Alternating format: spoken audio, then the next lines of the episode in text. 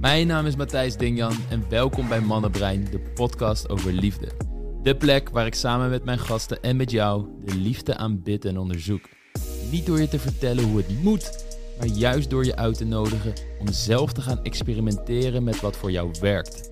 In de podcast krijg je inzichten, kwetsbare verhalen en praktische adviezen over de liefde, daten, relaties en alles wat daaromheen hangt. Zodat je in jouw eigen leven meer liefde kan voelen, ervaren en zijn.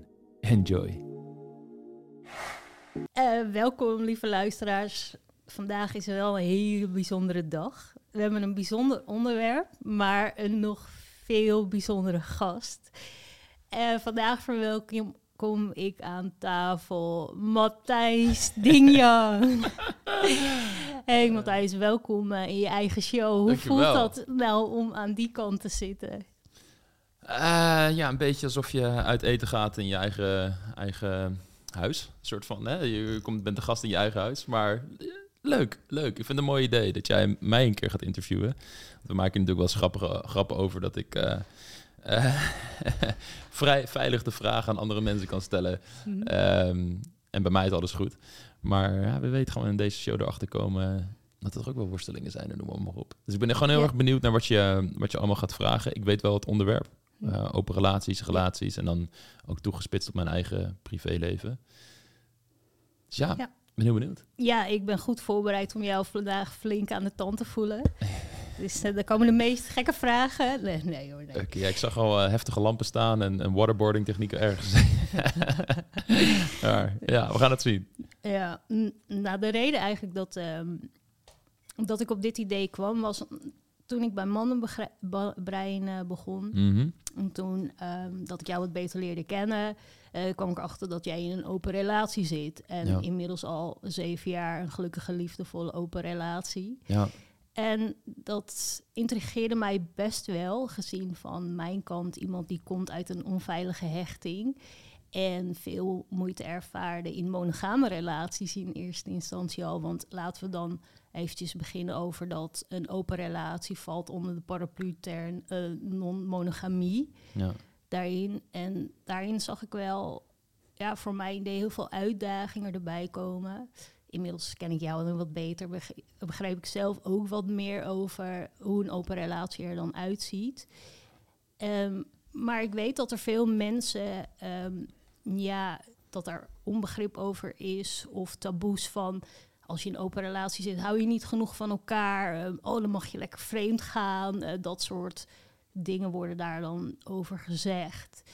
Um, en daarom vond ik het ontzettend interessant om daar ja, aan, de, aan de luisteraars ook een kijkje in jouw leven te laten nemen daarin. Van hoe dat er dan uitziet en hoe ontstaat dat eigenlijk? Want in eerste instantie, hoe ontdek jij dat jij, um, ja, hoe moet ik zeggen, um, dat een open relatie inherent is aan jouw authenticiteit, dat het hmm. vanuit je authentieke kern komt. Hmm. Ja, ik denk dat het helpt ook om, om dat we heel duidelijk definiëren waar we het exact over hebben en hoe ik het zelf zie. En dat, want mensen kunnen een totaal verschillende invulling geven aan deze begrippen die we noemen. Monogamie, open relaties. En dan zie ik een derde categorie als een soort polygamie. Dat is vaak hoe het gezien wordt. Monogaam betekent één partner voor de rest van je leven. En daarbij wordt in onze samenleving impliciet de aanname gemaakt dat dat ook betekent dat je seksueel verbonden bent met één partner. Dat is gewoon de monogame partner die je hebt.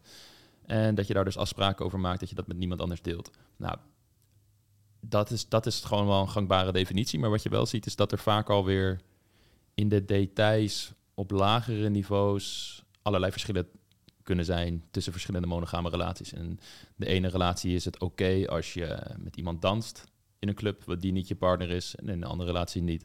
Dus er zijn heel veel nuances daar weer in aan te brengen.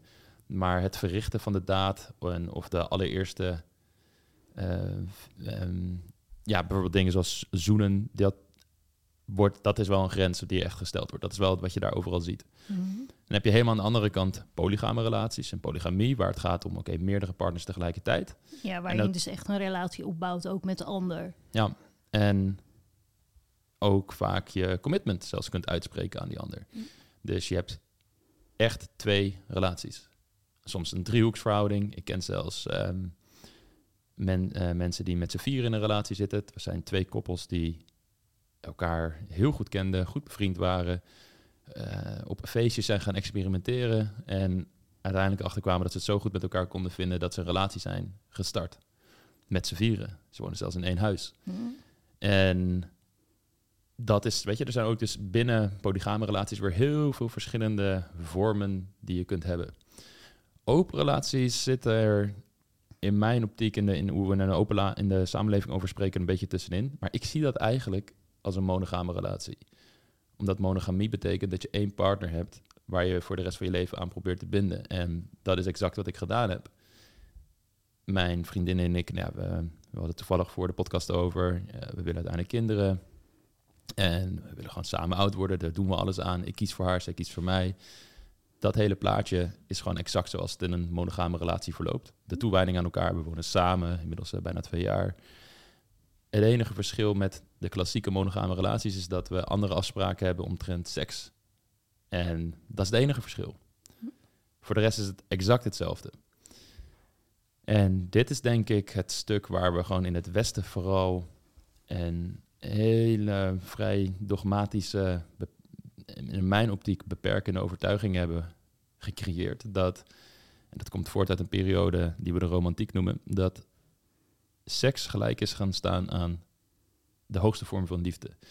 En begrijp me niet verkeerd, ik denk dat seks zeker een super mooie uiting van liefde kan zijn. En dat seks vanuit een hart-tot-hart verbinding weer heel anders is dan seks puur gebaseerd op lust met iemand die je net in de club hebt ontmoet. Weet je, en daar zitten grote verschillen tussen. En dat kunnen we straks nog allemaal uitdiepen. Maar het idee dat seks of een andere vorm van intiem met iemand zijn die voor veel mensen als minder bedreigend gezien wordt, zoals zoenen. eh, dat in sommige monog- monogame relaties mag dat bijvoorbeeld wel, dat je op een feestje met iemand anders eh, mag zoenen. Zo ken ik iemand die de afspraak heeft dat als we samen op een feestje zijn en ze vinden iemand leuk en ze zouden die persoon willen zoenen, dat ze naar een partner toe lopen om dat te vragen. En dat werkt voor hun. Maar daar blijft het wel bij. Dus het is niet meer dan dat. Dus je mag een beetje eh, wel flirten, zoenen en dit en dat. Maar echt seks hebben, dat, is dan weer, dat gaat weer te ver. Dus dat, hebben ze, dat werkt voor hun. Hm. Dus mijn, hoe ik het zie, is dat er eigenlijk een, een meer een tweedeling te maken is. Dus een, in monogame relaties. En daarbinnen moet je gewoon kijken naar wat de afspraken omtrent seks zijn. En ehm, polygame relaties. Ja, hoe weet ik dat voor mezelf dat dit zo eh, is gekomen? Nou, ik had echt geen flauw idee. Mijn eerste relaties in mijn leven waren gewoon eh, monogaam, waarbij je de afspraak had van hey, we zijn exclusief voor elkaar op het gebied van seks.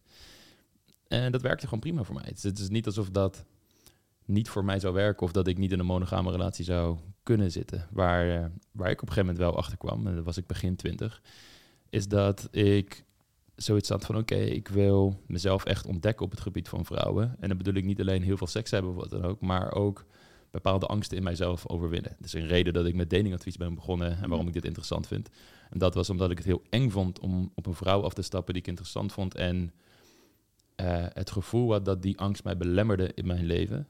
En ik had ook ergens het gevoel dat als ik dit kan overwinnen bij mezelf, is dit zo'n grote overwinning, dat dat waarschijnlijk een ripple effect heeft naar andere gebieden van mijn leven. Omdat dan heel veel overtuigingen die ik over mezelf heb, over wat mogelijk is in het leven, verpletter en verbrijzel en eigenlijk mezelf daarvan bevrijd.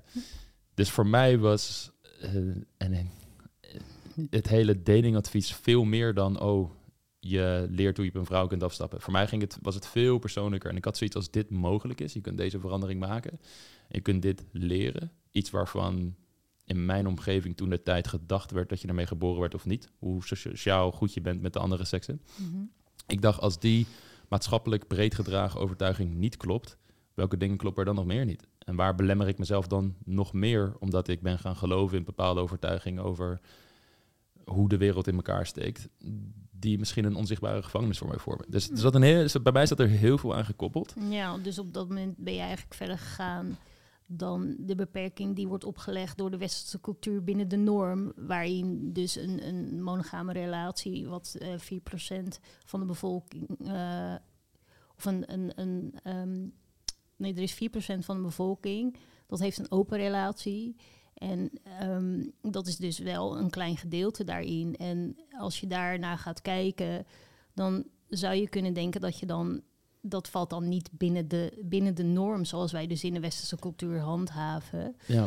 En voor jou, gezien jouw ontwikkeling, jouw proces, ben jij verder gaan zoeken en gaan ontdekken uh, wat er bij jou paste. En daarin ben je dus eigenlijk echt buiten de norm gaan kijken en de beperkingen die daar eigenlijk bij worden opgelegd. Want zo zou je het kunnen zien, omdat je ja, daaruit opgroeit. Je, je ziet niet anders, je weet niet hoe het ook kan zijn op een fijne, goede manier. Ja. En veel mensen struggelen al met een, een liefdevolle, uh, monogame relatie daarin. Dat kent ook al zijn uitdagingen natuurlijk. Ja, nou, kijk, dus toen ik ehm, begin twintig jaar uh, me hier heel veel mee bezig hield, heel veel met datingadvies bezig hield, en erachter kwam van, oh, bepaalde overtuigingen die ik over mezelf, over hoe datingadvies werkt, of hoe relaties ontstaan, die, die ik aan mij meedragen, die ik gewoon heb aangeleerd gekregen, zoals iedereen dat krijgt in zijn leven, die kloppen helemaal niet. En toen ik dat begon in te zien en een veel grotere vrijheid en ook acceptatie naar mezelf begon te uh, krijgen. Want ja, zoals we bij Mannenbrein ook altijd aanleren aan, aan, mensen, het draait nooit zozeer om de man krijgen of de vrouw krijgen. Het draait altijd om de relatie die je met jezelf hebt. En als je daar helemaal oké bent en je durft authentiek te zijn wie je bent en je durft uh, contact te maken met andere mensen, je bent niet meer zo bang voor afwijzingen, noem maar, maar op. Ja, dan krijg je inderdaad resultaten. Maar waar het vooral om gaat, is dat je die innerlijke overtuigingen, belemmeringen bij jezelf gaat oplossen. En gedurende dat proces kwam ik er dus achter dat er best wel veel overtuigingen in mij zaten die niet bleken te kloppen. En wanneer dat balletje gaat rollen, dan ga je de wereld anders bekijken, omdat je jezelf dan de vraag kunt gaan stellen: oké, als deze overtuigingen over um, specifiek datingadvies die ik in mij had, toch niet helemaal blijken te kloppen. Hoe zit het dan met bepaalde overtuigingen die ik heb op het gebied van liefde? En ik had helemaal geen beeld toen nog van ehm, of ik een open relatie zou willen, ja of nee. Maar het was meer iets dat ik me er meer voor open ging stellen. Hm. Voor hoe kijk ik eigenlijk naar relaties? Klopt het inderdaad dat ik me het meest optimaal gelukkig zou voelen bij uh, afspraken omtrent seks en fysieke intimiteit met andere mensen waarbij er restricties zijn? Of ben ik iets ruimdenkender volgens me voor, wat echt goed voelt voor mij? En dat, dat wist ik gewoon helemaal nog niet. Dat is echt, dat moet je nog gaan uh, onderzoeken. En uh, ik was altijd in de overtuiging van ja, ik blijf sowieso een paar jaar single in mijn twintige jaren om dit hele proces te, te doorlopen, uh, de avonturen te hebben die ik wil hebben en daarna ga ik wel settelen met iemand. En uiteindelijk wil ik zeker kinderen, gezin starten. Lijkt me hartstikke mooi. Dus dat wist ik altijd toen al wel. Maar toen ontmoette ik mijn vriendin. Toenmalig, uh, toen nog, natuurlijk nog niet. En in mijn hoofd was ik nog helemaal niet toe aan een serieuze relatie in het begin. Maar het klikte zo goed dat ik dacht, wauw, dit is wel echt heel bijzonder. En omdat ik toen voor het eerst met iemand bezig was met serieuze intenties en echt voelde van oké, dit is wel echt anders voor mij persoonlijk ook, dan ga je toch nadenken over oké, maar waar zou dit dan heen kunnen gaan en hoe ziet dat er dan uit? En toen werd het dus opeens heel relevant om al mijn overtuigingen op het gebied van monogamie en relaties te gaan onderzoeken. En wat hoort nou echt bij mij en wat is gewoon iets aangeleerd wat ik klakloos heb aangenomen, maar wat wellicht helemaal niet past bij hoe ik optimaal gelukkig kan zijn. En dan ga je dat heel voorzichtig nog in het begin uh, bespreken met elkaar. Ja. En op een gegeven moment uh, voor, weet ik nog dat ik de vraag stelde aan mijn vriendin van oké, okay, hoe we hadden, ik, ik was een soort uh, stellingen spelletje aan het doen. Met allemaal stellingen van wat vind je van dit? Wat mm vinden we dat?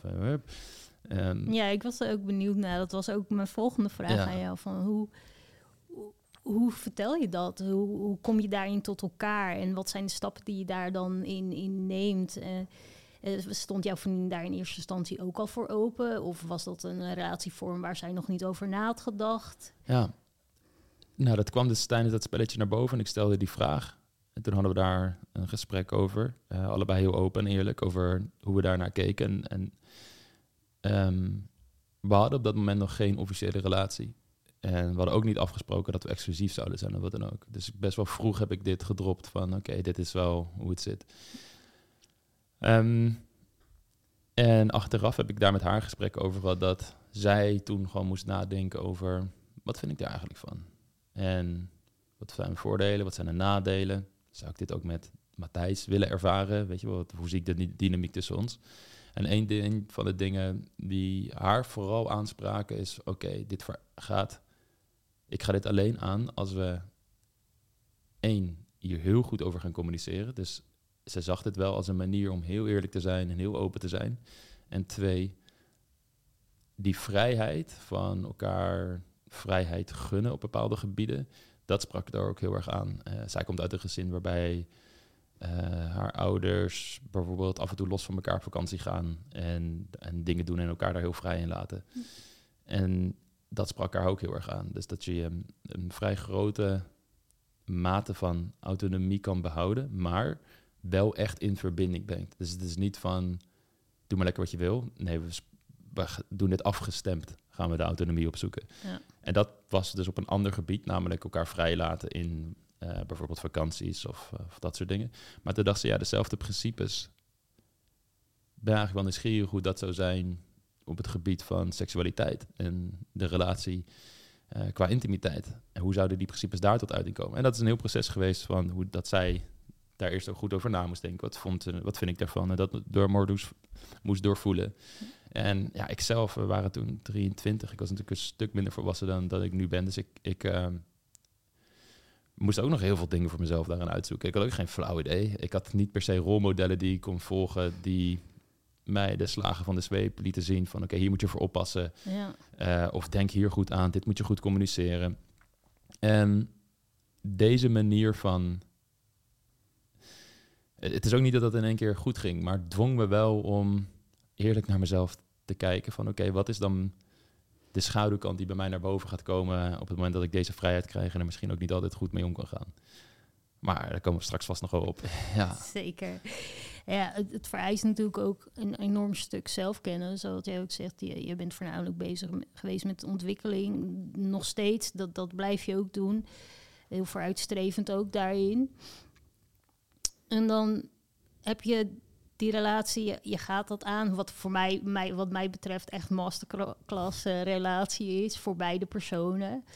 En wat ik ook zeker uh, van denk dat dat eh, voor velen niet geschikt is. Vooral omdat mensen um, ja, die mate van vrijheid soms moeilijk juist kan zijn voor anderen. Wat de een prettig vindt, vindt de ander moeilijk daarin. Maar als je dan die vrijheid hebt met elkaar, want je hebt daar, je maakt afspraken daarin. En mhm. ik neem aan dat voor iedereen die in een open relatie zit, net als in, in een monogame relatie, dat je afspraken hebt met elkaar. Uh, bijvoorbeeld, um, uh, wat valt onder vreemd gaan? Uh, wat voor de een onder vreemd gaan valt, valt niet voor de ander onder vreemd gaan. Ik noem maar bijvoorbeeld. Um, sexting met een andere dame buiten de relaties voor de een vreemd gaan, voor de ander niet.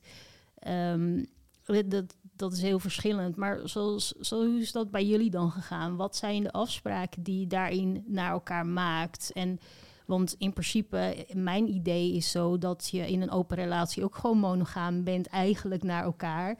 En dat daar afspraken in worden gemaakt. En als je daar buiten valt, dat dat gezien wordt als vreemdgaan. Uh, voor een, een, een um, monogame relatie is seks vreemdgaan. Ja dat is per definitie vreemd gaan. Maar bij jullie niet, omdat je ook heel duidelijk die afspraak hebt met elkaar dat het mag. En dat liefde losgekoppeld wordt van de lust. Um, waar ik sowieso ook heel benieuwd naar ben hoe je dat ervaart ook. En uh, hoe je dat ook ervaart als je een ander, uh, als je partner dan een afspraak heeft gehad met iemand anders. Maar wat zijn jullie afspraken daarin die jullie hebben gemaakt? Wat valt voor jullie onder uh, contact dat, dat binnen de afspraken valt en wat ligt daar buiten? Wat zie jij als vreemd gaan? Ja. Ik denk dat in elke succesvolle, liefdevolle relatie er altijd afspraken gemaakt worden. En elke relatie, of het nou strikt monogaam is, open of polygaam, er is altijd een absolute toewijding aan de partner en jezelf en aan de relatie die jullie samen creëren. En die principes zijn altijd hetzelfde, namelijk als je kijkt naar bijvoorbeeld een van de afspraken die wij gemaakt hebben, is van oké, als je gevoelens voor iemand anders krijgt, stappen we eerst naar elkaar toe om daarover te praten en te kijken van wat is dat dan? Waarvoor krijg je die gevoelens voor die andere persoon? Mis je iets in deze relatie van, van ons? Uh, maar misschien ook niet. En maar misschien zitten we in een periode waar het wat minder gaat. En ehm, kom je dan iemand tegen die die hele vreugde, de hele plezierige kant van jou omhoog brengt, die je op dat moment wat minder ervaart in de relatie, en krijg je daardoor gevoelens. Hm. Dus het hoeft niet per se te zijn dat de relatie slecht is, maar misschien zijn er dingen waar we aan kunnen werken. En, en misschien is het ook niks. En is het gewoon iets van, oh ja, ik krijg gevoelens voor die andere persoon, maar ik kan het ook loslaten, want ik kies voor jou. Wat het ook is. Maar dit was allemaal nog hypothetisch, want we wisten nog niet of dit daadwerkelijk zou gebeuren ook. Ja. Maar dat is bijvoorbeeld een regel die we gemaakt hebben. Maar dat is precies hetzelfde. Of als jij niet met andere mensen mag afspreken, kun je nog steeds gevoelens voor iemand anders krijgen. Ja. Als jou, als jullie bijvoorbeeld kinderen krijgen en jullie hebben gewoon wat minder tijd voor elkaar en jullie passen bepaalde relatievaardigheden niet toe, dus je, je hebt geen dateavonden meer, je gaat geen weekendjes weg, je maakt die tijd niet meer voor elkaar vrij en je gaat langs elkaar heen leven en je, de spanning, de passie, de erotiek verdwijnt uit de relatie. En die collega, een leuke nieuwe collega op werk, daar kan je dat zo goed mee praten. En de gesprekken die je met hem hebt, die heb je al jaren niet meer gehad met je partner. Dan kun je ook in een monogame relatie gevoelens voor iemand anders krijgen. In een polygame relatie kun je net zo goed afspraken maken als je twee partners hebt, bijvoorbeeld in een driehoeksrelatie. En daar kan hetzelfde in gebeuren. ja. Dus weet je, dus Dat daar een vierde persoon dan in, in komt. En maar terwijl de afspraak eh, is van we blijven we met zijn z'n drieën. Dus. Weet je wel, en waar het om gaat is, wat zijn de principes? Want die dingen, eh, zo dat je verliefd wordt op iemand anders, kan in elke relatie voorkomen. De relatievorm beschermt daar niet tegen. Nee. Maar de principes die jullie hanteren in die relatie, van hoe jullie met elkaar omgaan en de afspraken die jullie maken, die beschermen daartegen. En ik denk dat dat een, een, een hele belangrijke is om altijd in het vizier te houden, dat het daar uiteindelijk echt om gaat. Ja, dus jij zegt eigenlijk vreemd gaan is op het moment dat je dingen gaat doen die buiten de afspraken liggen die je samen hebt gemaakt en de normen en de waarden die je handhaaf, wil handhaven binnen de relatie. Ja, en we rationaliseren dit makkelijk voor onszelf. En dat gebeurt ook zowel in open relaties als in monogame relaties. Ehm, ik, mijn, een van de dingen in mijn schaduwkant is dat ik, ik, ik... Dat is ook een van de redenen, denk ik, dat we met mannenbrein hele mooie dingen eh, creëren. Ik hou ervan om intellectueel bezig te zijn met modellen en in mijn hoofd bezig te zijn. En de kant, eh, een van de kanten die ik heb die me erg helpen in mijn werk, is dat ik iets van heel veel kanten kan bekijken. En heel erg opensta voor verschillende meningen, verschillende invalshoeken. De schaduwkant daarvan is, is dat ik ook in mijn eigen leven sommige dingen kan wegrationaliseren. Dus van, ja, maar bijvoorbeeld, dan heb je een, een afspraak dat ik een open relatie had. Nou, op mijn 23ste, 24ste toen trouwens, in de, in de tussentijd. Belangrijk detail, not. Maar ehm, kwam, had ik dus al wel afspraken. En dat was inmiddels de relatie was officieel. Maar ook, en dat sch- beschrijft Esther Perel ook zo mooi in eh, haar boek eh, Liefde in Verhouding, wat over, onder andere over affaires en vreemdgaan gaat, is dat mensen zoeken altijd de randjes op van de regels. En het overtreden van regels is altijd spannend. Bij mij, ik zat in een fase in mijn leven, ik stond eh, elk weekend training te geven aan mannen hoe ze vrouwen konden ontmoeten. Ik was veel in het buitenland. Eh, ik, wa- ik was een jonge hond die zich ook best wel ehm, in, in kringen be- begaf van, van mannen, net zoals ik, die veel uitgingen, eh, veel dronken, veel vrouwen ontmoeten, veel one-night stands hadden. En daarin voelde ik alsnog aan van oké, wat ik nu doe gaat eigenlijk wel te ver. Want als ik dit nu aan Lara zou eh, vertellen, dan Mhm. mijn vriendin zou vertellen, dan ja, voel ik daar wel in mijn lijf bij dat het eigenlijk niet nice is. Dus je hebt dat feedbackmechanisme. Maar mijn brein schakelt dan in en die zegt, ja, dat zal wel, maar heel strikt genomen mag dit volgens de afspraken die jullie gemaakt hebben. En op die manier rationaliseer je het weg. En Ja. Dat is dus bij mij gebeurd in, in een open relatie. Ehm, maar dat gebeurt net zo goed in monogame relaties. Dat ja, die collega op werk. We hebben helemaal gewoon hele mooie en leuke gesprekken. Maar we spreken niet af. Maar je appt wel elke dag met hem. Ja. En je voelt dat je kriebels hebt als hij langsloopt op werk. En je bent in je hoofd heel veel met hem mee bezig. Kijk, dan kun je voor jezelf zeggen: nee, maar ik, eh, ik ga het niet vreemd, want ik doe dit niet. Maar hoe vaak zie je wel niet dat zodra bijvoorbeeld de relatie dan uitgaat, dat je toch verder gaat met die persoon, of dat het toch stiekem uiteindelijk wel tijdens de relatie gebeurt en dat je dan mensen hoort zeggen: ik ben al 30 jaar samen met mijn partner, ik ben nooit vreemd gegaan. Ik heb dat überhaupt nog nooit gedaan in mijn leven. En toch overkomt mij dit. Hoe kan dat nou? Ja. En dat zijn dan soms ook mensen die 30 jaar lang roepen. ehm zodra iemand vreemd gaat, maak de relatie uit. Want dat kan niet. Dit er een hele sterke mening over van alles hebben. En het dan toch zelf kan overkomen. En ik weet zeker dat er nu mensen luisteren die zichzelf daarin herkennen dat ze de sterke mening hebben. En ik, het zou zomaar kunnen dat ik zo over 20 jaar spreek en dat ze het toch zelf hebben meegemaakt. Dus ik denk dat het gevaarlijk is om jezelf moreel en ethisch boven andere mensen te plaatsen en alles maar af te doen als dat zijn ehm, mensen die minder sterke wilskracht hebben of gewoon minder goede mensen dan ik. Want kijk mij dat eventjes niet doen. Ja. Ja, dat, dat is allemaal best, maar het is hetzelfde met eh, hè, de boekhouder die in een klein dorpje woont, die uh, P. Diddy, een bekende rapper, veroordeelt over het feit dat hij seks heeft met zoveel verschillende vrouwen en zich niet bindt aan één vrouw. Ja, het is makkelijk zeggen voor de boekhouder uit Vinkenveen, uh, waar eventjes heel bot gezegd geen enkele vrouw in geïnteresseerd is, omdat hij ook nooit die vaardigheden heeft ontwikkeld en noem maar op. Ja, is hij is nooit in die verleiding gekomen ook. Precies, dus weet je, het, het, het, er zit allemaal zoveel meer nuances aan. En Maar ook denk dat er ook een stukje angst in zit eh, daarin bij mensen. Een stukje afwijzing, eh, een stukje angst van eh, het onbekende wat er is. En het is makkelijk om dan aan de andere kant te staan en daarover eh, te oordelen. Ik, ik, zoals van mezelf dan, dat ik denk gewoon open relatie, wauw, dat is echt... de vrijheid vind ik zelf ook heel interessant erin. Want ik hou ook echt van, van de vrijheid in een relatie. Wel ook in verbondenheid natuurlijk.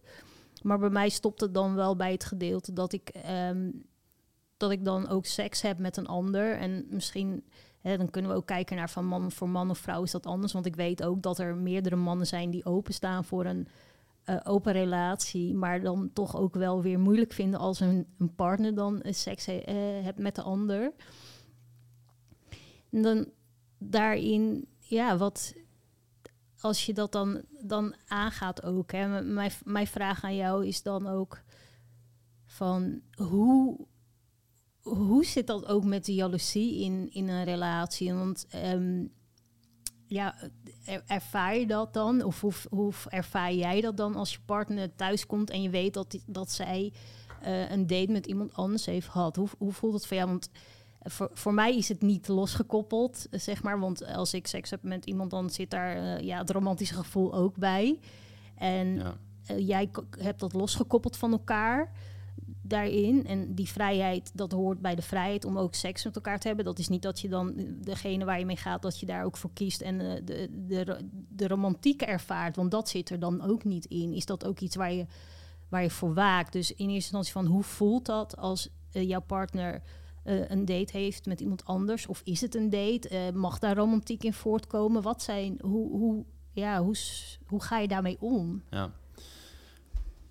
Het helpt om te kijken naar wat jaloezie überhaupt is. Eh, jaloezie is een gevoel dat je ervaart door jouw interpretatie van een bepaalde situatie. En dat werkt natuurlijk met alle emoties zo. Er gebeurt iets, krijgt jij interpreteert dat. Het gevolg daarvan zijn gedachten, gevoelens en ook bepaalde gedragingen die daaruit voortkomen. Waarom kan het zo zijn dat jaloezie verandert? Omdat het cluster van overtuigingen die de bril vormen waardoor jij een bepaalde situatie interpreteert, Mhm. veranderen. Ik weet nog heel goed toen ik 18 was en dat ik een relatie had waar ik super jaloers was. En dat kwam omdat ik mij ook, het is meerdere redenen. Dus ten eerste zat ik meer nog in een schaarste eh, gedachtegoed. En ik weet nog dat mijn toenmalige vriendin, volgens mij heb ik echt daar een jaar achteraan gezeten. eh, hele lange avonden gespendeerd aan van hoe moet ik dit laten werken? Hoe kan ik haar versieren? Hoe krijg ik haar als mijn- vriendin? Dus er zat echt wel een stuk obsessie eh, in. Uiteindelijk kregen we een relatie en eh er zaten heel veel leuke kanten aan. Maar ik liep er ook tegen bepaalde blokkades in mijzelf aan, waardoor het uiteindelijk niet gewerkt heeft. En zij had ook haar ding hoor, maar eh, je bent ook 18, dus je moet ook nog een hele hoop leren. Maar daar merkte ik wel een sterke jaloezie. Dus daar ervaarde ik dat heel erg. Toen, tijdens die relatie, heeft mijn broer me ooit het boek gegeven... eh, wat over datingadvies van mannen ging... waardoor deze hele reis voor mij begon. En toen begon ook die hele reis van al die overtuigingen die ik had over mezelf... over daten, over liefde, hoe de wereld werkt... die begonnen dus allemaal te veranderen. Dus het hele cluster van overtuigingen... wat de bril vormt, waardoor ik Jaloers jaloezie, ja, jaloersmakende situaties bekeek, die veranderden. En ik voelde mij ook niet meer in schaarste zitten. Ik wist van oké, ik heb nu een vaardigheid dat ik het in ieder geval durf, dat ik op iemand durf af te stappen die ik leuk vind. En natuurlijk lang niet altijd, maar ook in een groot gedeelte van de gevallen kan ik het in ieder geval laten werken. Kan ik daar een authentieke, echte connectie aan gaan versieren. Eh, het lukt me gewoon om goed te zijn met vrouwen. En dat gaf mij een soort rust van eh, dat ik niet meer in schaarste zat. En dat is een van de overtuigingen die me daar heel erg bij geholpen hebben. Omdat heel veel mensen ook ontzettend jaloers zijn, omdat ze bang zijn dat ze iets kwijtraken wat ze Ja. niet makkelijk meer kunnen krijgen. En bij mij shifte die hele, hele kijk. Maar het is ook in de micro, want dit is een, in, kijk in je relaties. Ja, natuurlijk, is een, en je wilt je partner ook niet kwijt. En er is een echte toewijding aan elkaar en een relatie. Dus ja, ik- en als je kiest, dan, dan bouw je ook echt wat op. precies. Dus maar je hebt ook je mindset in eerste instantie is niet de gedachte in schaarste, maar in overvloed. juist. En door dat in overvloed zo te gaan denken, ontmoet je iemand die daar ook heel mooi in past. En dat je echt ook die persoon tegenkomt die heel mooi bij jou aansluit in jouw wensen. En omdat jij weet wie je bent, hoe je hebt ontwikkeld. Ja, ja en, maar als je, als die, die... Dus ik snap, hè, daar heb je ook echt wat te verliezen. En dat is natuurlijk een andere situatie dan wanneer je iemand ontmoet in de kroeg. En je staat lang te praten met elkaar, misschien zoen je. En je, eh, je zegt, nou, ik moet even naar het toilet, zie je zo. En je komt terug en die persoon staat met iemand anders te praten, helemaal omhelzen. Dan kun je ook jaloezie voelen. Ja. dat soort gevoelens, die werden bij mij echt vele malen minder. Om, in dat soort microsituaties al. En dan dacht ik al van, oké, dat is interessant dat ik dit nu minder ervaar. Maar dat kwam omdat ik dacht, ja, het feit dat ze nu met iemand anders staat, zegt niks over mij als persoon. En heel veel mensen nemen dat als een belediging, omdat ze zoiets hebben van, zij of hij vond mij leuk. En Ja. dat gaf mij een speciaal gevoel over mezelf. En nu doet ze dat bij iemand anders Ja. ja, ben ik dan nog wel zo speciaal? En dan zie je bij mannen heel vaak hele lelijke reacties. Oh, een slet, wat een hoer, bla bla. Ehm, bij vrouwen die voelen zich vaak gepikeerd omdat het een player is en noem maar op. En hey, Ja. luister, dit, dit is, hè, tuurlijk in sommige gevallen is het, kan, het, kan het ook echt wel zijn dat die andere persoon meer rekening moet houden met jouw gevoelens. En eh, als hij tegen jou zegt dat je zo speciaal bent en noem maar op, en dan gaat hij naar een ander. Ja, tuurlijk, hey, dit is wel Ja, een manier is, waarop dan is het ook gewoon een player. Eh, Ja, precies, Prima, dus, maar eh, dat doet niks af van jou. Nee, maar waar het, waar het om gaat is dat heel veel mensen validatie halen uit het feit dat de ander hen speciaal vindt. En ergens hebben we dat allemaal. Ik zeg niet dat je dit kunt uitschakelen, maar op het moment dat je er bewust van wordt, kan het wel veel minder worden. En hoef je je niet meer speciaal te voelen dat jij een monopolie hebt op de aandacht of, of flirterige energie van een bepaalde persoon. Ja, dit is weer een tweede ding wat bij mij begon te veranderen. En zo zijn er heel veel dingen die begonnen te veranderen. Dus die hele bril van allerlei overtuigingen veranderde, waardoor ik merkte eh, de eerste keer dat ik het dus meemaakte dat mijn vriendin eh, met iemand anders was geweest en dat aan mij ging vertellen, want we hadden een afspraak dat we dat vertelden, dat mijn jaloerse reactie heel eventjes opkwam, maar al helemaal niet zo heftig eigenlijk, en vrij snel verdampte. Omdat de hele manier waarop ik dus naar dit soort dingen keek gewoon was veranderd. En als ik dat vergeleek met eh, vijf à zes jaar eerder, toen ik dus 18 was en in ehm, mijn toenmalige relaties zat, ja, dat, dat had nooit gekund. En maar wat is het ding daarbij? Nou ja, jaloezie kan dus ook in mensen veranderen op het moment dat ze de relatie met zichzelf, met de wereld, met anderen, al die overtuigingen gaan transformeren. Ja. Ja, duidelijk. Dus op dat moment, als, dat zo, als het zo gaat op die manier, dan voel je ook niet dat dat. Je hebt ook die afspraak daarin. Het is binnen de, de, de normen en de waarden die je handhaaft, de afspraken die je met elkaar hebt gemaakt. Kan je daar ook, heb je daar ook gewoon compleet vrede mee, omdat je vanuit jezelf niet de, de, ja, de waarde buiten van jezelf, buiten jezelf legt. Dus in de handen van een ander legt door het gedrag wat diegene vertoont daarin met eh, tot betrekking naar anderen toe daarin. Dus ehm, het, is, ja, de aandacht is het niet, maar stel voor dat je dat wel ehm, eh, romantische gevoelens zijn, bijvoorbeeld. Of want het, lijkt mij als je, ja, ik noem het nu een grens, maar ja, het is. het, het is net waar je die grens legt. Maar als je dan met andere partners of andere mensen eh, seks mag hebben. En dan het is toch, lijkt mij, een groter risico dat daar toch romantische gevoelens kunnen, kunnen uit kunnen ontstaan. Ja. En, eh, maar heb je dan voor jezelf ook zoiets van: ik, ik ga bijvoorbeeld niet uit eten met die persoon, of eh, ik hou het heel eh, ja, kort door de bocht. we gaan, ja, we doen geen relatiegerichte dates, laat Ja. ik het zo zeggen. Want hoe ziet dat, hoe ziet dat er dan uit? Hoe, hoe zorg je daarvoor in jezelf? Wat, wat mag wel en wat mag niet? Bijvoorbeeld, wat zijn jullie afspraken daarin? Ja, die afspraken zijn door de tijd heel erg veranderd. Ook naarmate ik zelf gewoon volwassener werd. En dat heeft niet alleen met leeftijd te maken, maar ook eh, echt wel de, de schaduwkant in mezelf opzoeken. Van oké, wat zijn de dingen die, waar ik gewoon echt aan moet werken om ehm, echt gelukkig te zijn op de lange termijn. Mooi gezin te hebben, stabiel te zijn en echt mezelf ook in de spiegel aan te kunnen kijken. Van ja, je, je bent echt de beste partner die je kunt zijn, voor zover dat redelijk te doen is. Dus kijk, aan het begin zat ik er ook anders in. Ehm, ik was nog zoveel dingen voor mezelf ook aan het uitzoeken. Eh, ook mijn hele... eh, ik gaf toen ook alleen nog maar datingadvies aan mannen, nog niet aan vrouwen. Eh, en datingadvies voor mannen was vooral toen toch wel veel meer gericht ook op de eerste fase van het daten. Dus ehm, een nummer krijgen, eerste date vragen, dat, dat hele systeem, iemand aanspreken, daar lag vooral de focus.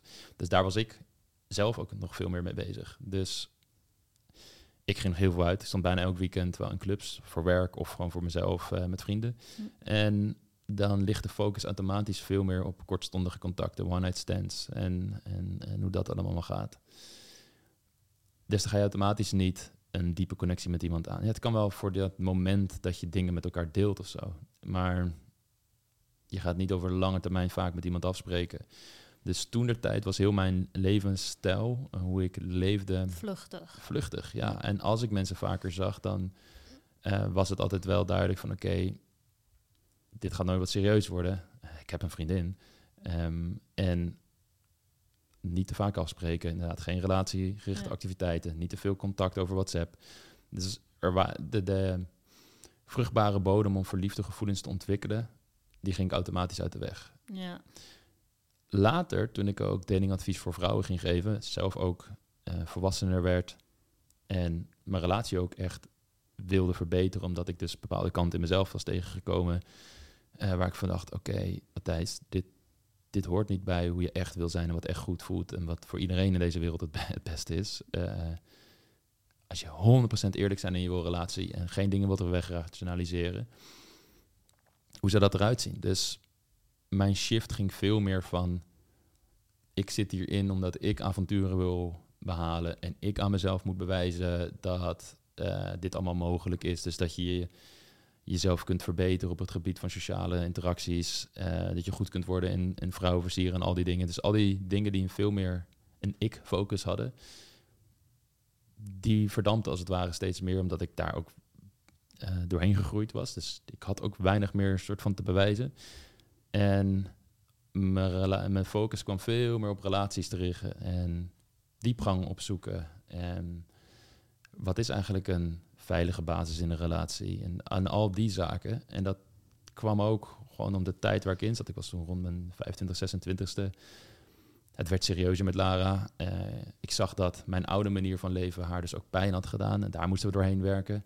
Hm. En ik, eh, en ik vond haar wel zo speciaal en mooi dat ik zoiets van ja, ik wil hier ook doorheen. En als ik hier doorheen ga, dan word ik oprecht een beter persoon. Het gaat me ook weer helpen in het datingadvies voor vrouwen. Omdat alle dingen die ehm, ik dan in mijn eigen relatie aan leer, gaat me gelijk helpen in de adviezen die ik geef.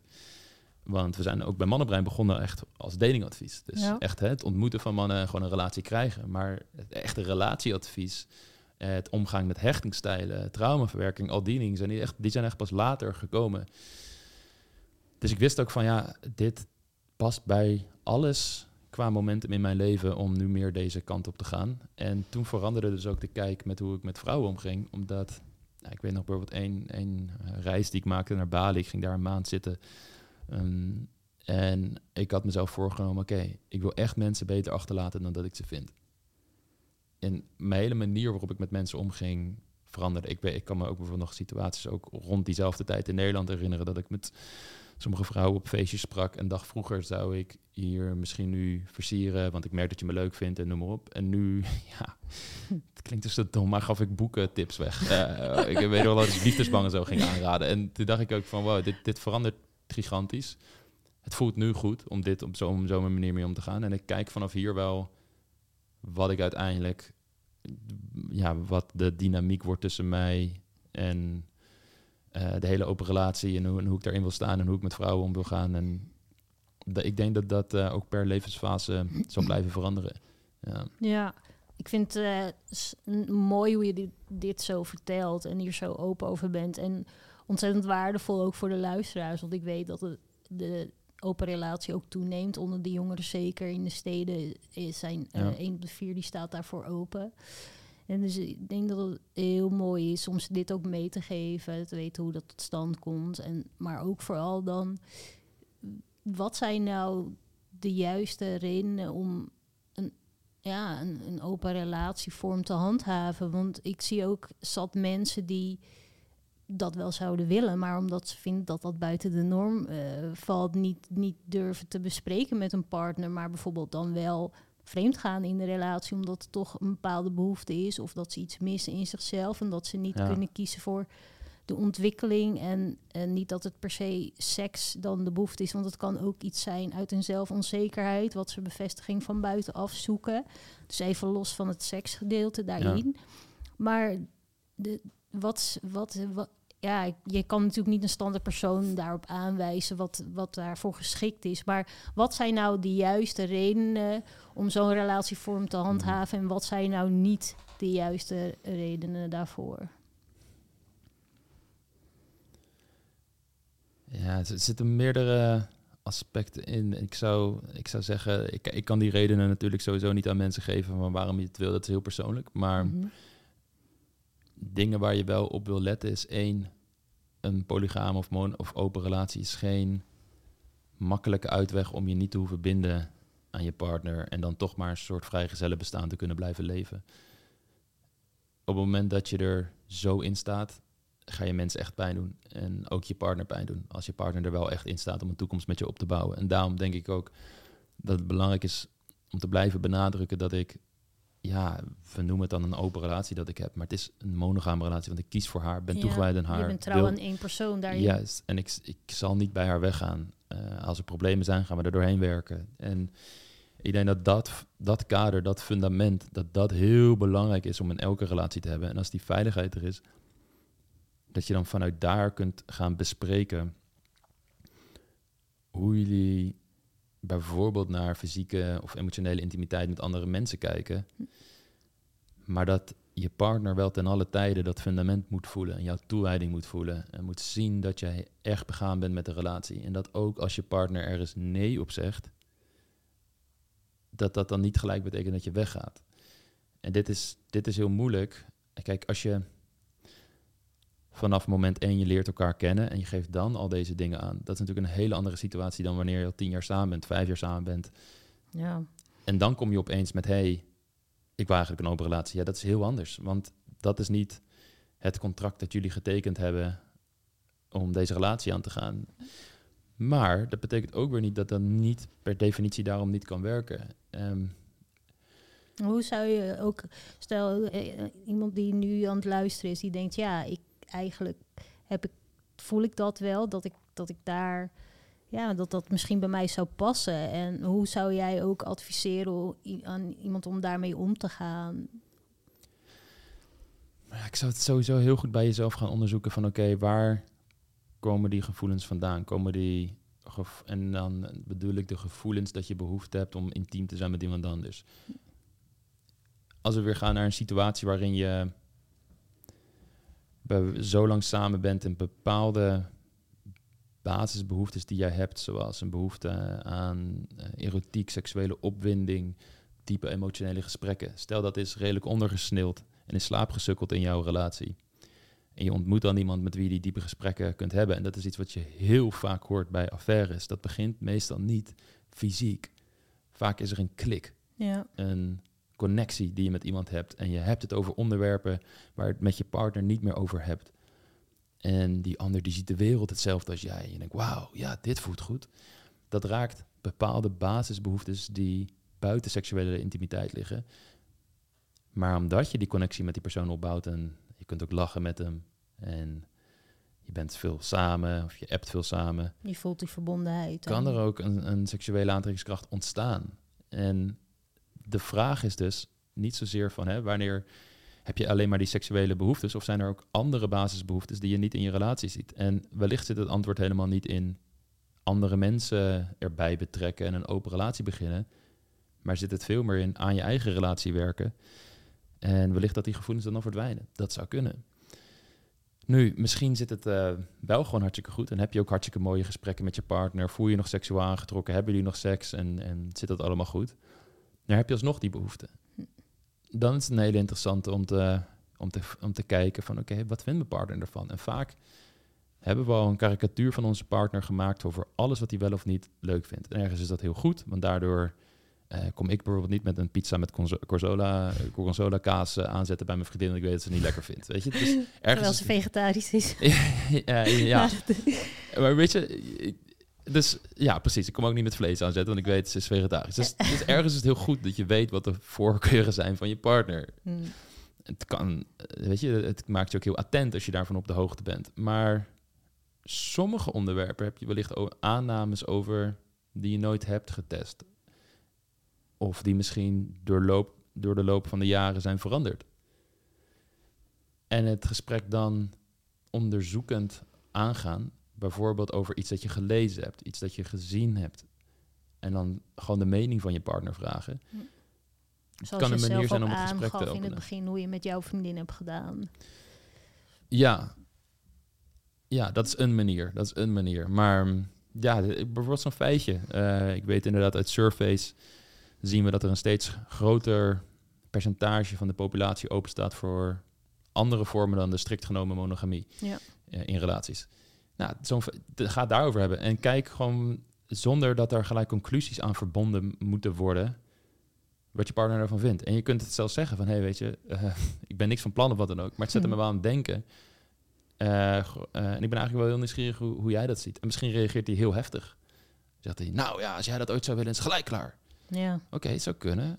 Blijf dan zelf kalm, blijf dan zelf rustig. Um, zodat je een veilige omgeving creëert waarin die wellicht zijn eerste initiële angstreactie los kan laten en misschien later bij je terug kan komen en dat jullie er toch wel een mooi gesprek over kunnen hebben. Dat is, wellicht is dat wel een mogelijkheid. Vaak wanneer je zelf die kalmte, eerlijkheid en rust gaat uitstralen in de relatie, kun je versteld staan van de gesprekken die je kunt hebben met je partner. Maar dat begint allemaal bij jezelf.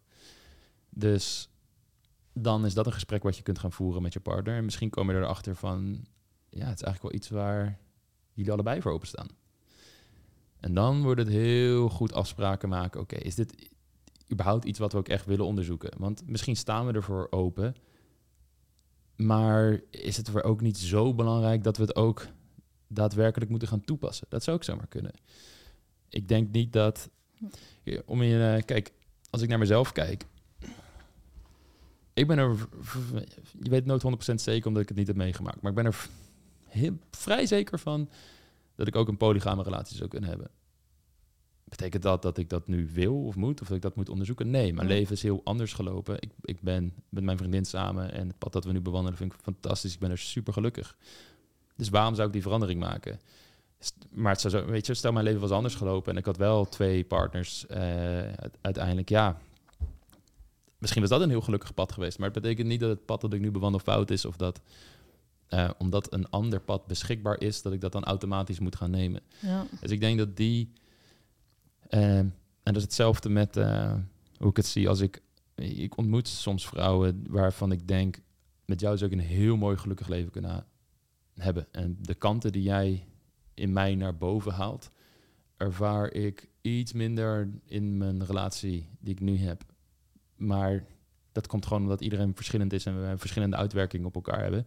Maar dat maakt het niet beter. Nee. Want als ik optimaal gelukkig ben in mijn relatie, vind ik juist dat er een hele grote schoonheid zit in het kiezen voor je partner, de gedeelde geschiedenis, het opbouwen van dingen, ehm, op elkaar afgestemd raken. Die dingen kosten tijd. Ehm, Jan Meijnert zat hier en die zei heel mooi, ehm, het kost ongeveer tien jaar om ergens expert in te worden. 10.000 uren, dat is ook zo'n cijfer dat vaak genoemd wordt. Je moet 10.000 uren iets beoefenen en dan word je daar een meester in. Ongeveer. Hm. Maar het is hetzelfde met je relatie. Als jij echt toegewijd bent aan je relatie, dan raak je steeds beter op elkaar afgestemd. Je, raakt, je kent elkaar steeds beter. En dat heeft heel veel waarde en heel veel schoonheid. En ik denk dat uh, die geruststelling, dat je echt voor, voor elkaar kiest, ondanks dat er misschien andere opties zijn, de liefde nog veel veiliger maken. Want heel veel mensen blijven ook bij elkaar omdat het nou eenmaal zo is. Of omdat ze misschien ook niet zoveel opties hebben. Of zoiets hebben van ja, als ik weer moet gaan daten. Ja, ik weet niet of ik dan nog wel iemand tegenkom. Dus die blijven ook van een bepaalde angst bij elkaar. Terwijl als je voor elkaar kiest, terwijl je weet dat je andere opties hebt, weet dat er heel veel andere dingen zouden kunnen zijn. Maar je zegt ja, maar jou vind ik zo mooi en belangrijk. En ik heb het zo goed met je, ik ben zo gelukkig met je. Ik vind je zo'n bijzonder persoon. Dan is het een 100% intrinsieke vrije keuze. En ik denk dat dat een, een, een veel grotere uh, geruststelling kan bieden dan wanneer iemand een beetje bij jou blijft. Omdat ze denken dat ze niemand anders kunnen krijgen, bij wijze van spreken. Ja, ja en, en dan ook nog een stukje daarin dat eh, de, de aspecten, mooie aspecten in je partner afhankelijk van hoe je in de relatie staat. Maar als je eigenlijk stopt met investeren in je relatie, wat vaak gebeurt uh, over de lange tijd. de, de spanning gaat er wat af, het wordt allemaal weer wat gewoon. Uh, dan ga je ook wennen aan bepaalde mooie aspecten van je partner en ze maar voor als gewoon aanschouwen. Dat is een valkuil wat, wat kan gebeuren in een relatie waardoor een ander misschien juist en jij zegt dan een stukje wat uh, ja uh, laat zien wat je misschien mist in de relatie enigszins maar ja er zijn altijd wel mensen die misschien iets leuker hebben of dat beter weten of net even wat beter klikt, maar maakt diegene nog niet een beter persoon om een relatie mee te hebben. Maar als je dan daarin zit en je stopt eigenlijk met het investeren in de relatie, dat je eigenlijk ook ontgaat aan de mooie aspecten die er zijn in, in, in jouw partner, waardoor een ander misschien aantrekkelijker eruit kan gaan zien. Ehm, eigenlijk is het dat je blijft ontwikkelen, ook in de relatie, met elkaar blijft bespreken. En als je voelt van dat de relatie niet heel fijn verloopt, of je hebt ideeën, of je hebt gevoelens voor een ander, of wat dan ook, dat je eerst gaat kijken naar je eigen relatie. Hoe is de kwaliteit daarvan? Hoeveel investeer ik daarin? Waar staan we daar samen? Hoe staan we er nu samen in? En als je dus ervaart dat daar dat het, dat het goed zit en dat het fijn is en de relatie is, ja, voldoet aan, de, aan, aan wat je voor je ogen hebt. Maar er blijft een bepaald uh, ja, gemis in jezelf. En dat zeg ik niet per se naar uh, de behoefte naar een andere vrouw, maar een, een bepaald gemis van de vrijheid daarin. Dat is eigenlijk wat jij uh, aangeeft van dan is het zou het een juiste reden kunnen zijn om dat bespreekbaar te maken, om een andere relatievorm te handhaven dan de monogame relatie? Misschien, ik weet het niet, want ja, die behoefte aan vrijheid. Misschien zijn er wel andere manieren om die behoefte te voorzien. Hm. En hoef je dat helemaal niet op te zoeken in andere partners of je relatievorm open te gooien. En daarnaast denk ik dat niet elke behoefte per se een goede behoefte is. Weet je, ik, als ik in de supermarkt loop en ik zie donuts liggen. Ik heb een sterke behoefte om die donuts te hebben. Maar moet ik dat altijd doen? Nee, absoluut niet. Want ik heb andere behoeftes, zoals me gezond voelen, fit zijn. Um, ook bijvoorbeeld, ik weet als ik heel veel donuts eet, dat die suikerrush en, en dat, dat voedsel niet goed is voor mijn scherpheid en mijn energielevels op een dag. Mhm. Wat weer beïnvloedt hoe ik in mijn werk ben, in mijn sport ben, in mijn relatie ben. Dus weet je, er, er is zo'n cluster aan andere dingen die er allemaal vasthouden. Dus je kunt op, in het moment lust voor iemand voelen, maar betekent dat altijd dat je het pad moet afwandelen van handelen op die lust, zoals je misschien je natuur dat je direct ingeeft. Dan spreek je dan over discipline daarin? Onder andere, maar ook andere manieren van andere manieren om om te gaan met die behoeften. Ik weet, bijvoorbeeld, als we het over het donut voorbeeld hebben. ehm, ik weet dat een manier die voor mij heel goed werkt, is dat ik, en daar ben ik heel goed bewust op gaan letten door bijvoorbeeld mindfulness eh, oefeningen ook te doen terwijl ik donuts at, dat de fantasie van het eten van de donut eigenlijk altijd beter is dan de daadwerkelijke donut.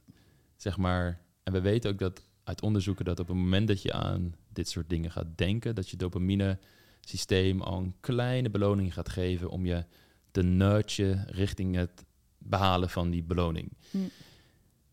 En als je dat soort dingen weet en je gaat erop letten en je hebt dat bij jezelf door, dan kun je jezelf als het ware daarin reguleren. Nou, dat is een manier. Een andere manier is dat ik naar die donut kijk en denk, ja, dat is allemaal mooi, maar als ik een connectie maak met het gevoel van fit zijn, me goed voelen, scherp zijn, Hm. dan voelt dat veel beter Op dan... lange termijn. het- Ja, en korte termijn, want ja, ook. want als je dat momentum gecreëerd hebt en je voelt je scherp op dat moment, dan weet ik ook, ja, ik wil deze staat niet verliezen door het kortstondige plezier van een donut in mijn mond. Hm. En heel af en toe is denk ik dat Die is heel- even lekker op dat moment, maar daarna kan je alweer rot voelen van Juist. shit. En eh, dan heb ik een, een soort eh, toename op het eh, Sugar rush. sugar rush gevoel in mijn, in mijn mond en mijn smaakreceptoren vinden dat en op het heel moment dat je hem hebt, denk je daarna, oh, moest dit nou? Waar ja, moet ik? precies. En ik weet dat dat gelijk inkikt. En ik tegelijkertijd denk ik dat het heel gezond is om juist af en toe gewoon juist lekker eh, die donuts te eten en het even niet mee bezig te zijn en te accepteren dat Ja, dit- dat, weet je, dat is, daar is natuurlijk allemaal een balans in. Maar mijn punt is dat je op hetzelfde manier naar behoeftes als lust kunt kijken. Ik ben bijvoorbeeld David Daida, een ehm, teacher die veel spreekt over mannelijke en vrouwelijke energie, over tantra. Een van de dingen die ik van hem geleerd was, heb, is nou, door mijn werk als, als datingcoach voor mannen toen nog, leren we dus mannen om vrouwen aan te spreken. Ehm, een hele mooie eigenschap. Om, eh, denk ik voor veel mannen om te doen, om te weten hoe ze dat moeten doen. Dat het ten eerste hun heel, heel erg bevrijdt, maar ten tweede ook, het is goed dat we dit aan mannen aanleren, want uit onhandigheid en een soort ego-masker dat ze op kunnen zetten, kunnen ze soms ook op hele vervelende manieren op vrouwen afstappen. Dus ik denk dat het goed is dat ze het aangeleerd krijgen op een manier van authenticiteit, respect voor de ander, ruimte geven, noem maar op. ja. Maar dat terzijde. Omdat ik dat werk deed, was ik dus heel veel op straat en in clubs met mannen bezig om ze te leren hoe ze konden socialiseren, hoe ze konden gesprek, gesprekjes aan konden knopen, noem maar op. Maar dan ben je dus de hele tijd automatisch ook op zoek in je brein naar mensen die ze kunnen aanspreken, naar vrouwen die ze kunnen aanspreken. Dus ik merkte dat ik mezelf aan het trainen was om automatisch naar vrouwen te kijken, ook op straat, en daarmee bezig te zijn. Hm. Want dat deed ik non-stop. ja, jij bleef er niet van weg. En daardoor creëerde je ook niet een nog groter gevoel daar naartoe. Het- Je was mee bezig, je, je, je weet wat het is, je weet hoe het gaat. Ja. En je bent daar vaardig in geworden, je hebt ervan geleerd. Ja, en ehm, op een gegeven moment, en ik, ik, dit herkennen luisteraars denk ik wel, als je iemand ziet die je leuk vindt, voel je ook altijd een angst. Mm, eh, Even tussendoor, Matthijs, is dat dan ook iets dat jij elke man zou aanraden in zijn jongere jaar, vooral om dat te ontwikkelen, dat stuk, om dat ook te gaan doen, om zichzelf daar beter in te leren kennen? En niet om er dan een player van te maken, maar puur om die vaardigheid eigen te worden. Ja, omdat het, gaat, het is zoveel groter dan een, op een vrouw afstappen die je leuk vindt. Het gaat om je angst onder ogen komen, dat over, overwinnen. En in angst juist jezelf niet verliezen in maskers die je opdoet om jezelf te beschermen tegen die angst, maar authentiek te blijven. Dus een van de dingen die we mannen leren is, Hm. heel veel mannen hebben geen flauw idee wat ze nou exact voelen en wat voor angsten ze nou exact hebben. Dus een van de eerste dingen die we doen op training is, oké, daar zie je iemand die je zou willen aanspreken, die je zou willen ontmoeten. Ja, oké. Wacht, wat gaat er nu door je heen? Ze hebben geen idee. Hm. En dan ga je ze bewust maken, mindful maken van de fysieke sensaties, de emoties, de overtuigingen. En daar zijn ze bang voor, want ze denken, om je een heel simpel voorbeeld te geven, een man die bij me kwam, die dacht, ehm, ja, die vrouw, ja, die, die is helemaal out of my league. Ik ben veel minder waard dan zij. En dat geeft me natuurlijk heel veel angst om dan op haar af te stappen, want ik word keihard afgewezen. Als hij rondloopt met die angst, dan gaat hem dat gigantisch belemmeren de hele tijd in, in hoe hij eh, door de wereld heen gaat. En Ja, en ook Als in hij die- zijn relatie dan uiteindelijk waar die in terecht komt, Juist, zal het misschien ook een rol gaan Misschien spelen. gaat hij pleasen Ja. eh, ehm, als hij dat gevoel daar heeft. Maar als je hem laat zien van het is oké om die overtuiging en die angst te hebben. Sterker nog, gaat maar onder ogen komen. Loop maar op haar af. En zeg maar, hey, ehm, ik vind het best wel eng om dit te doen, want ja, ik heb ergens het gevoel dat je out of my league bent. Maar ik vind je echt een hele leuke energie hebben of, leuke jas, wat het ook is wat hij aan haar zag, wat hij, wat hij mooi vond. En je spreekt dat uit, dan kom je die angst onder ogen. Merk je dat het helemaal niet erg is dat je dat soort dingen hebt en verandert je relatie ten opzichte van die angst. En de reactie die hij kreeg is dat die vrouw moest lachen en zegt, hè, out of your. Nee, ja, ik vind het eigenlijk hartstikke lief dat je me een complimentje geeft en... Uh, ja, hoe, hoe is het met jou dan? En natuurlijk hadden ze gewoon een leuk gesprek. En er hoeft ook helemaal niks uit voor te komen. Daar gaat het niet om. Maar wel een fijne ervaring. Juist. En als ze, als ze hem keihard had afgewezen en had geroepen... nee, ik heb geen zin in. En ze was doorgelopen. Dan is dat ook nog steeds haar goed recht. Maar dan is nog steeds voor hem de les dat hij oké is. Dus hij is door de angst heen gegaan en ze nog gaan afspreken. Ja, hij had misschien geen fijne ervaring, maar daar gaat het niet om, want hij heeft in ieder geval die angst onder ogen gekomen, het geaccepteerd en alsnog in lijn gehandeld met wat hij echt wil en hoe hij wil zijn in de wereld. Hm. En dat mechanisme aanleren, dat gaat je overal helpen. Want ook voor vrouwen die een gesprek aan moeten knopen met een man uh, over een bepaalde gedraging die je niet prettig vond, voel je misschien ook een angst, omdat je in je jeugd wellicht hebt meegemaakt dat er geen ruimte was voor jouw emoties. Ja. En je daardoor al en je altijd zag dat je moeder heel erg pleasant was bij je vader. En je vader een hele dominante man was. En je hebt dat overgenomen. En daardoor vind jij het nu heel eng om een moeilijk gesprek aan te knopen. Omdat je denkt, er komt alleen maar ellende van. Dus ik kan het beter maar accepteren. Mezelf. Als je die overtuiging en angst in beeld brengt. je leert dat accepteren en je gaat het gesprek toch aan. Dan kom je verder in het leven. En dan kun je ook betere relaties onderhouden. Um, hoe waren we hier opgekomen? Ik wist dat we ergens heen gingen. Oh ja, David Duida. Ja. ja. Nou, dus oké, daar was ik allemaal mee bezig. En dat is hartstikke leuk. Maar wat er dan kan gebeuren is dat bij elke vrouw die je ziet... waarbij je een speciaal gevoel krijgt... dat je dan denkt, oh, dit is een moment om mijn angst te overwinnen. Maar ja, ik woon in Amsterdam. Als je in de zomer door de stad loopt... er zijn zoveel aantrekkelijke mannen en vrouwen dat je dat gevoel heel vaak kunt hebben. Ja. Dus het werd bij mij op een gegeven moment een belemmering om dan elke keer te denken: oh, nu moet ik mijn angst overwinnen. Want bla, dan blijf je aan de business. Ja, ben je de hele dag Daarom. Dus dan wordt het weer uh, ja, een, een, een maladaptieve functie van ja, je eigen evolutie. Het blijft iets wat van, waar je bij jezelf moet inchecken: van komt dit wel uit een, uit een fijn stuk in mezelf? Juist. En wat ik van David Daida leerde, is dat die emotie die je daar ervaart, het kan angst, spanning zijn, maar het kan ook een verlangen zijn. Het kan ook um, oprecht bewondering voor een persoon zijn die je daar fysieke bewondering, omdat ze de persoon heel aantrekkelijk vindt, of je vindt ze een mooie energie hebben, een vette stijl hebben, wat het ook is. Dat je die uh, emoties en verlangens als een energie kunt zien. Energie is een soort brandstof. En dat je die energie kunt inzetten om nog meer jouw missie te leven, nog meer jouw creatieve eigenschappen in het leven tot ontplooiing te brengen. En Bij mij, bijvoorbeeld, als ik die energie voelde, liet ik het door mijn hele lichaam gaan. En stelde ik mezelf de vraag van oké, wat kan ik met deze energie? Wat kan ik bijdragen voor mannenbrein? Hoe kan ik een betere partner zijn voor mijn vriendin? Hoe kan ik uh, een betere vriend zijn? Heb ik iemand al lang niet gebeld? Mijn moeder, weet je wel? Dan, dan ga je... Het is dezelfde behoefte die je misschien hebt of dezelfde trigger die je daar ervaart, maar je gaat heel anders met die trigger. Ja, en, hij, en hij zit er toch wel. Dus waarom zou je hem ook wegstoppen of vermijden? jij sport juist mensen aan om daar onderzoekend naar jezelf in te gaan kijken. Ja. Hm. En dat is denk ik de reis die iedereen moet maken voor zichzelf. Van oké, wanneer ben ik nou aan het weglopen voor een angst en wanneer mag ik het ook gewoon loslaten? Hm. Want ja, tuurlijk zijn er dingen waar je een angst voor hebt, waar je niks voor hoeft te doen. Als ik, als ik nu in een een kooigevecht zou belanden met een professionele MMA-fighter, heb ik daar een bepaalde angst voor. Betekent dat dat ik die angst moet overwinnen, anders dan... Nee, want ik kan mijn leven prima leiden zonder dat te doen. Maar er zijn dingen in je leven waar je een angst voor hebt, die een daadwerkelijk gelukkig leven in de weg staan. Ja. En die moet je in kaart brengen, daar moet je eerlijk over zijn, dat overwinnen. Maar het betekent niet dat je in een soort red race terecht moet komen van oneindig angst te overwinnen, omdat je anders een angstig leven leidt. Dat is het ook weer niet. ja, nee. en dat is dus met, met relaties ook zo. Ja, het kan zijn dat je een bepaalde behoefte hebt om soms misschien uh, en dat je een aantrekkingskracht voor iemand voelt. Maar betekent dat je er altijd op moet handelen? Nee, zeker niet. Dat is mm. natuurlijk. Uh, ja. Nee. En, dan heb ik nog een laatste vraag voor je. Ik ben, ik ben nog niet klaar met je. ja. We zitten hier nog twee uur. Nee, hoor. Maar en je zegt van, nou, jullie zijn gelukkig samen. En dan ehm, denk je ook in de toekomst aan kinderen. Hoe zie jij dat beeld dan voor je?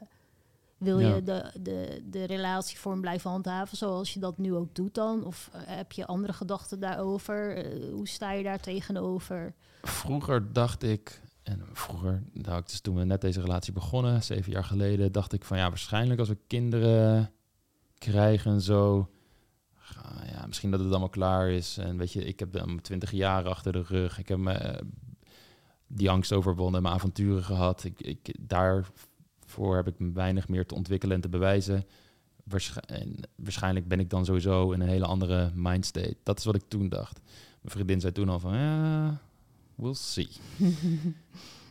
nu weet ik er wel van achter van, oké, het is heel anders. Laat me dat vooropstellen hoe wij nu samen zijn eh, dan aan het begin van de relatie. Het is echt dag en nacht verschil. Maar er zijn, uh, waar het voor mij vooral om gaat, is dat dit soort dingen altijd bespreekbaar blijven. Omdat je niet kunt voorspellen hoe je behoefte gaat zijn als ik straks 40, 50 of 60 ben. En ik weet dat ook niet van haar. Misschien gaat mijn uh, vriendin straks door de overgang heen en krijgt ze meer zin. weet je, er zijn gevallen waarin dat gebeurt. Dus ja ja, moet ik dat nu dan, moeten we dat nu dan allemaal vast dicht gaan timmeren? Nee, ik denk dat het weer terugkomt op dat fundament dat je samen creëert van vertrouwen, open communicatie, eerlijk zijn over je emoties, voor wat je wil. En er dus af en toe ook vrede mee hebben dat niet alles altijd maar kan. Je bent geen tweejarige die altijd zijn zin moet kunnen doordrijven of zo. Dat um, en dan om heel concreet te worden, nou ja, als mijn vriendin straks zwanger is, gaf ze bijvoorbeeld aan, ja, ik weet niet wat die hormonen gaan doen en zo. En het hele idee dat je dan misschien toch bij iemand anders bent ook een keer of zo, ja, dat lijkt me best wel een gek idee. Dus yeah. kun je mij nu al zeggen dat je dat niet zou doen? Um, ja, tuurlijk, weet je, 100%. Dan, dan zou het zomaar kunnen bijvoorbeeld dat je daar dan voor een hele periode weer de afspraak maakt van oké, we spreken met niemand anders af. En dat kappen we helemaal af voor, voor een periode. Dat, dat kan ook. Ja. ja, dat je dat bijstelt in het moment. Dat is eigenlijk ook waar je gewoon open-minded in blijft zijn. En eh, alle afspraken die nu staan, zijn niet vereeuwigd daarin. Nee, en, en als je die afspraak maakt,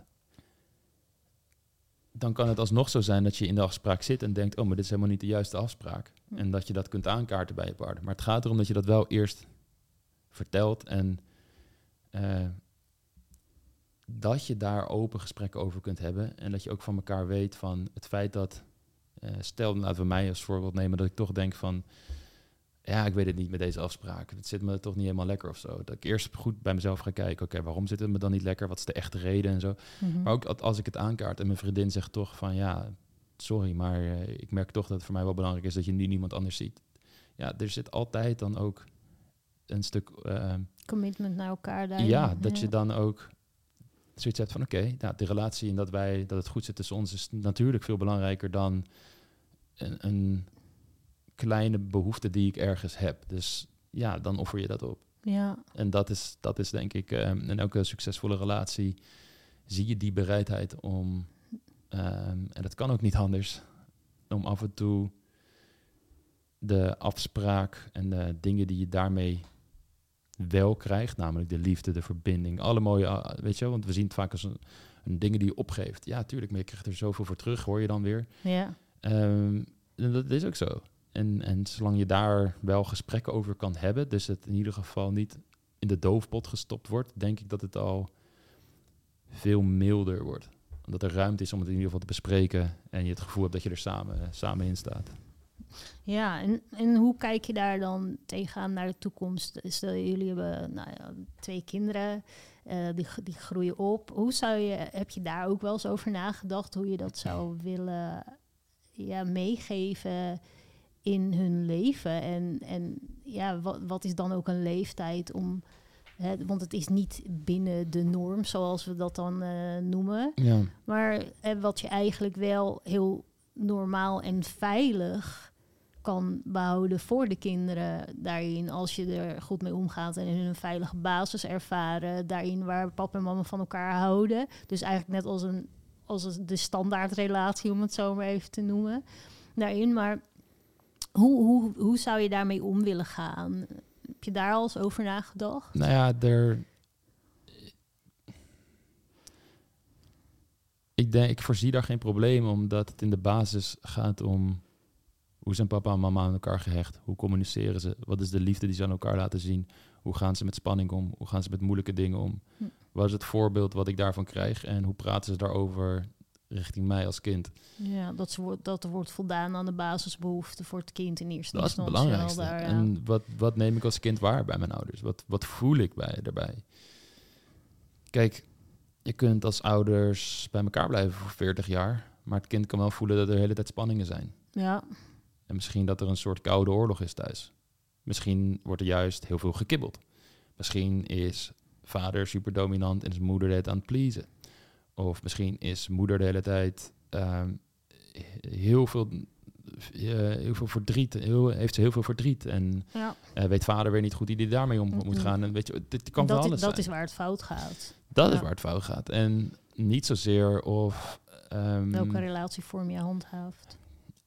En dat lijkt ook wel uit alle antropologische onderzoeken. Dat er zijn stammen, zoals de Bari in Venezuela, waarbij ze totaal andere eh, gedachten en overtuigingen, cultuur omtrent relaties en seks hebben eh, aan de oppervlaktelaag.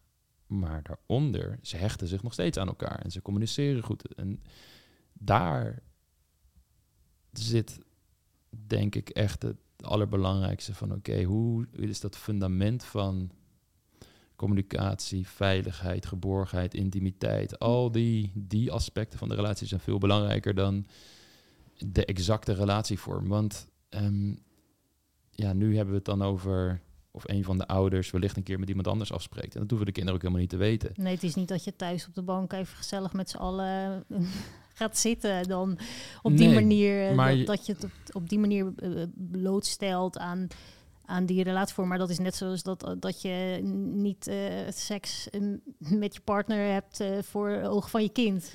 Ja, exact. Weet je, dus er, er zijn heel veel dingen die eh, ook in monogame relaties voortkomen die niet met de kinderen gedeeld worden. Eh, ik denk dat, het daar, dat je daar vooral maar naar moet kijken van oké, maar hoe is de dynamiek tussen de twee partners? En niet zozeer in wat zijn de oppervlakte gedragingen die ze ja, buiten de relatie laten zien. daarin. Ja, dat is eh, gewoon de verantwoordelijkheid die je op je neemt als volwassene, waar jij de volwassene in bent en het kind kind mag zijn. ja.